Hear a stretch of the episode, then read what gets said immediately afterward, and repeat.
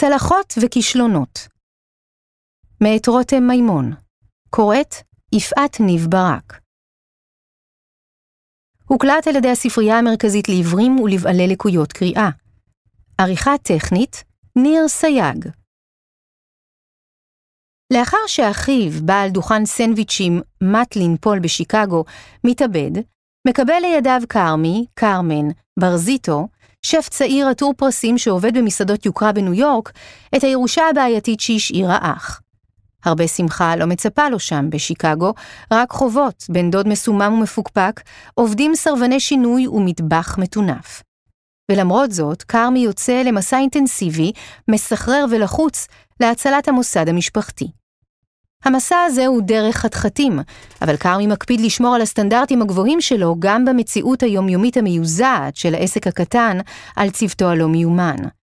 לאט לאט, בעזרת שורשיו בקהילה ויחסו לעובדים, הוא מצליח להנחיל לאנשי הצוות את ערכיו, לגרום להם לאהוב את מה שהם עושים, ולהקפיץ את הדוכן לרמה אחרת לגמרי.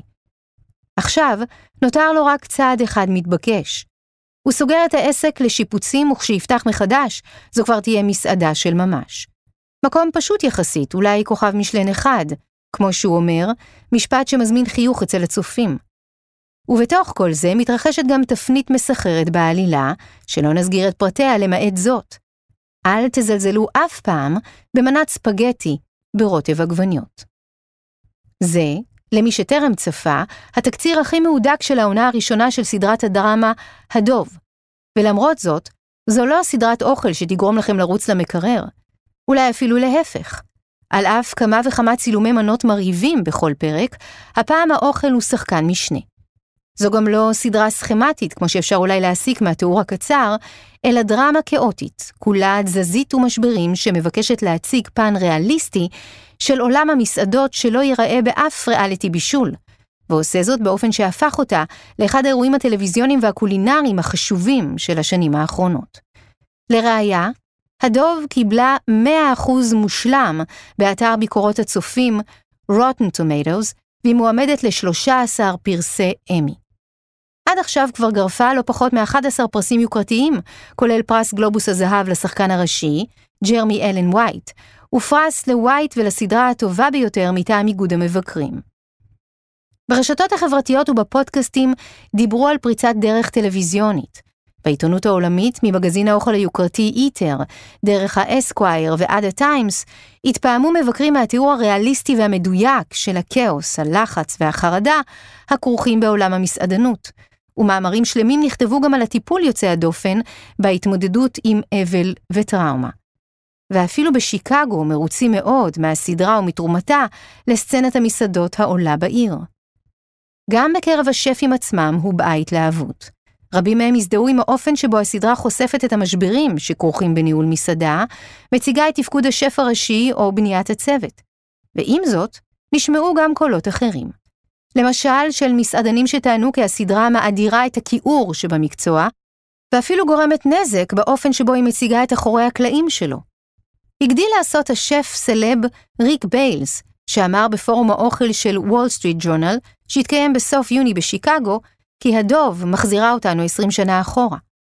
אבל אלה היו רק קולות בודדים, וכשהעונה השנייה עלתה בארצות הברית בסוף יוני, לא רק התברר ששחקנים עמדו בתור כדי לקבל תפקיד אורח, ג'יימי לי קרטיס ואוליביה קולמן בין השאר, ולא רק שמספר האזכורים ברשת עלה ל-600 אלף תוך שבועיים, לעומת 400 אלף לכל העונה הראשונה, אלא שגם הצפיות שברו את השיא של העונה הראשונה.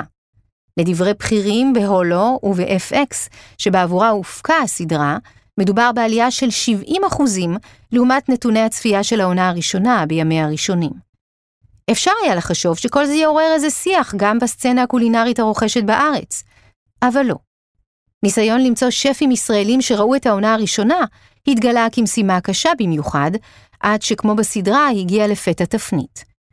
הודעה בוואטסאפ בישרה שהשף גיא אריש מהמסעדות משיה וסנטי צולם במהלך סרוויס כשמתחת לחולצת השף שלו קפוצ'ון עם צילום של הדוב. כמה רגעים אחר כך נמצאה גם נרקיס אלפי, השפית שפתחה לאחרונה בתל אביב את אחד המקומות המדוברים של העונה, בר האוכל ביינה, וגילתה שהיא צופה אדוקה.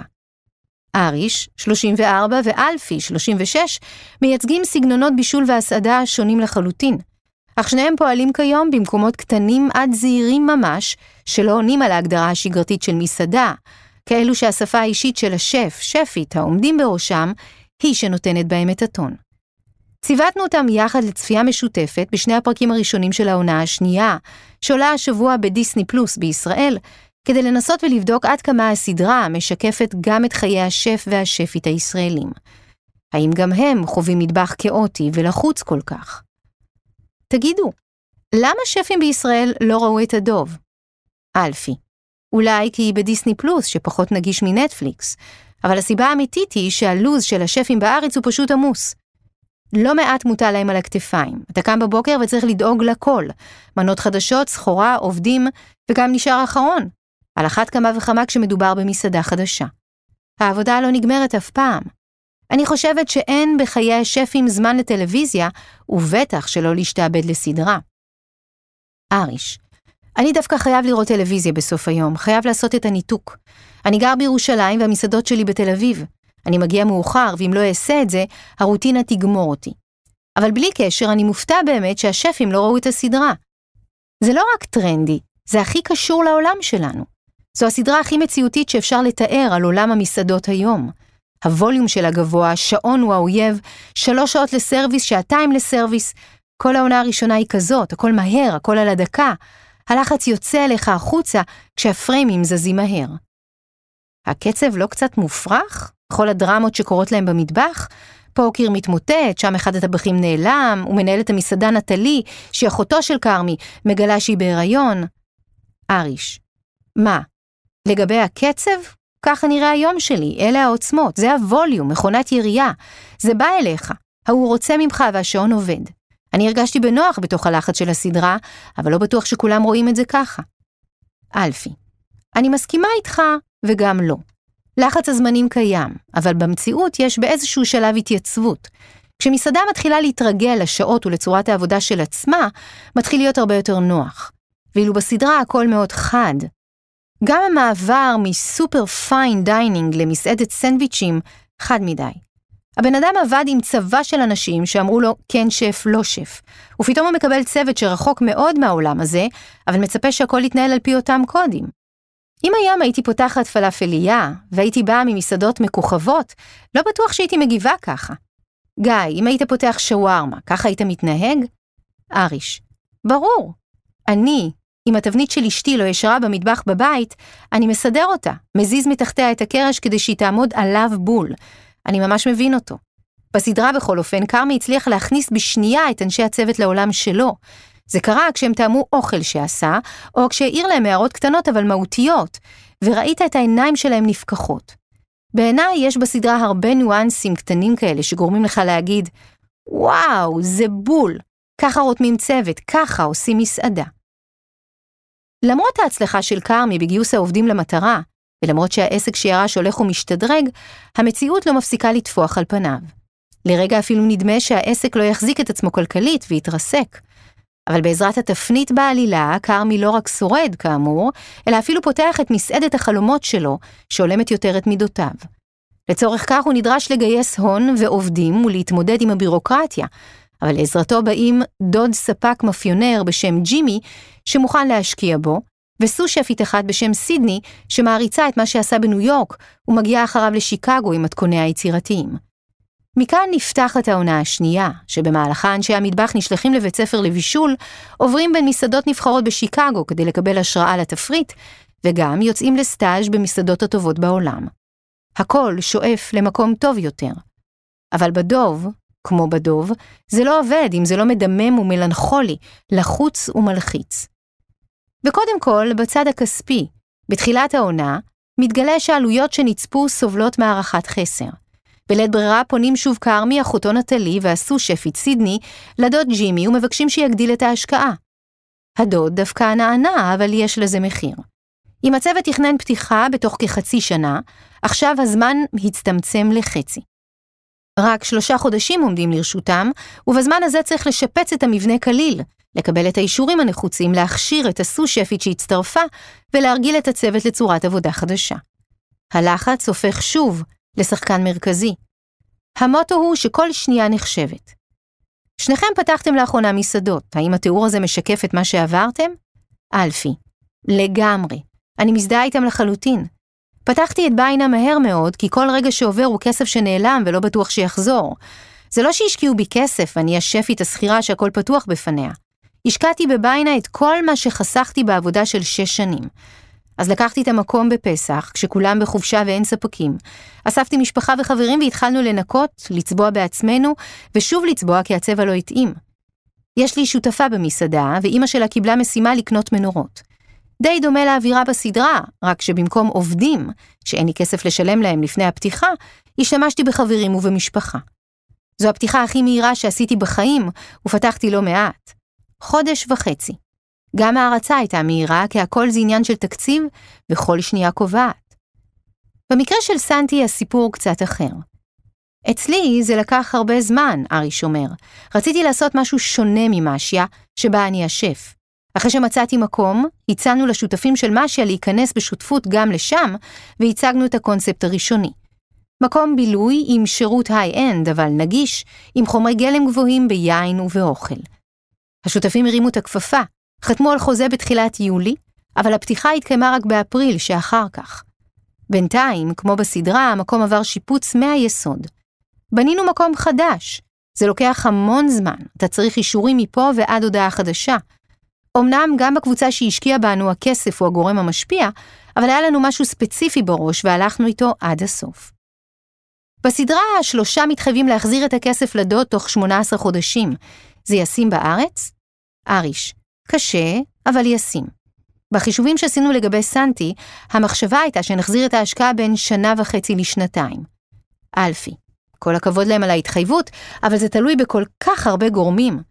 בארץ אין סיכוי שמסעדה תחזיר השקעה של עשרה מיליון שקלים תוך שנה וחצי, ולא משנה כמה היא תגבה על הארוחה. אני עצמי השקעתי את המעט שהיה לי ואני לא ידעתי מחזיר אותו בכלל. רגע לפני שפתחתי את ביינה, פגשתי שף מאחת הקבוצות המצליחות כאן, ודיברנו. שאלתי אותו תוך כמה זמן הם החזירו את ההשקעה ואיך אני עושה את זה. הוא ענה לי, הא, ממי, את לא מחזירה את הכסף, אל תחשבי על זה. פשוט תעבדי מיום ליום ותתני בראש. אם הכסף יחזור, זכית. כרגע, מה שאת רוצה, זה להתניע. אז להגיד לך, בוא נפתח יומן ל-15 בחודש בעוד שנה וחצי ונבדוק? לא נראה לי. אני נלחמת כל היום כדי שייכנסו אנשים למסעדה ויהנו. בעונה הראשונה של הסדרה נראה שהם בקריסה מתמשכת. במציאות זה לא ככה, אבל בישראל אתה בהחלט כל יום במלחמה. מה שמוביל אותי לשאלה שדווקא לא קשורה לחוויות של כרמי, איפה אתם ביחס למחאה המתגבשת של מסעדנים? אריש ואלפי, אנחנו חייבים לענות על השאלה הזאת? מאוד אשמח אם כן. אלפי, אני מפגינה בכל מוצ"ש כשהמסעדה סגורה, אבל עושה הפרדה מוחלטת ביני לבינה. נרקיס האזרחית מפגינה, השפית לא. ביינה היא ישות עצמאית שתקבל את כל מי שמעוניין לסעוד בה ולא משנה מהי עמדתו הפוליטית. אריש, ברור שאנחנו מושפעים ממה שקורה במדינה, אבל אתה מושפע מכל תנודה במצבה. תן לי להיות פוליטיקאי מבלי לעסוק בפוליטיקה. הבנתי. אז נחזור לפן יותר שגרתי בחיים, ובסדרה. שני הטבחים המרכזיים בהדוב נשלחים לבית ספר לקולינריה. אתם למדתם בישול באופן מקצועי? אריש, לא, כי אתה לא צריך את זה. זה חשוב, אבל בסופו של דבר את הידע רוכשים וצוברים בפרקטיקה, בכמה שיותר עבודה במסעדות הכי טובות, בחשיפה לשפים או לשיטות העבודה שלהם, והגדלת ארגז הכלים שלך. זה מה שהופך אותך לשף טוב יותר. אלפי עשתה את הסטאז' הראשון והגדול ביותר שלה במסעדתו המכוכבת של מושי קרוט באמסטרדם. הייתי ילדה חצופה וקיבלתי את מספר הטלפון של מושי קרוט והתקשרתי אליו. הוא קרא לי לבוא למבחן התנסות באירוע שהוא עשה באילת. נתן לי משימה מהגיהנום, להכין פסטה בלי קמח ובלי ביצים בטכניקה מולקולרית. וכשהקדמתי שפים ותיקים שלו, הוא לקח אותי. זה היה סטאז' אחר, כי הוא נעשה תוך כדי המעבר של המסעדה למקום אחר באמסטרדם. הוא היה אמור להימשך חודש וחצי, ונשארתי חצי שנה. אריש, התחנה הראשונה שלי הייתה אצל עומר מילר בחדר אוכל. אני מבאר שבע ולא הכרתי כלום חוץ מרפאל, שנראתה לי מחוץ לסט היכולות שלי. אבא של עומר מילר היה מנהל בית הספר שלי, והחלטתי שעל סמך זה אני אכתוב לו שאני רוצה להיות שף. מהר מאוד נשאבתי למטבח. אתה לא באמת צריך ידע מקדים כדי להיות טבח. אלפי, מה שצריך זה 90% רצון ונכונות לעבודה קשה, ואת כל השאר לומדים תוך כדי. זה בשביל להיות טבח. אחר כך תתחיל לטפס. והם טיפסו. אריש הגיע תוך שנה וחצי לתפקיד הסו-שף של דיוויד פרנקל בפרונטו, ונשאר שם לבסוף כמעט שבע שנים. במשך חצי שנה עבד בסלון של אייל שני, ומשם חתך למשיה. אלפי עשתה מסלול דומה. התחילה בשקוף, מסעדת fine dining יפואית, שהקדימה את זמנה ונסגרה, ועברה בדרך בפושקין, באיגרא רמא ובסנטה קטרינה. שניהם כיוונו גבוה מההתחלה. באתי לראיון העבודה הראשון שלי אי פעם במסעדה, ואמרתי ישר, אני רוצה להגיע גבוה בעולם המטבח, וזו נראית לי תחנה טובה להתחיל ממנה, נזכרת אלפי בריאיון שלה בשקוף. אצל אריש היו במהלך הטיפוס שתי תקופות התלמדות במסעדה ששמה מהדהד לאורך הדוב, נומה הדנית. גם השף הבדיוני כרמי התלמד אצל רנה רדזפי בנומה, ועובדי המטבח של דוכן הסנדוויצ'ים שומעים את השם של השף האגדי שוב ושוב, כאילו היה זה הדבר הכי טבעי בעסק הכושל.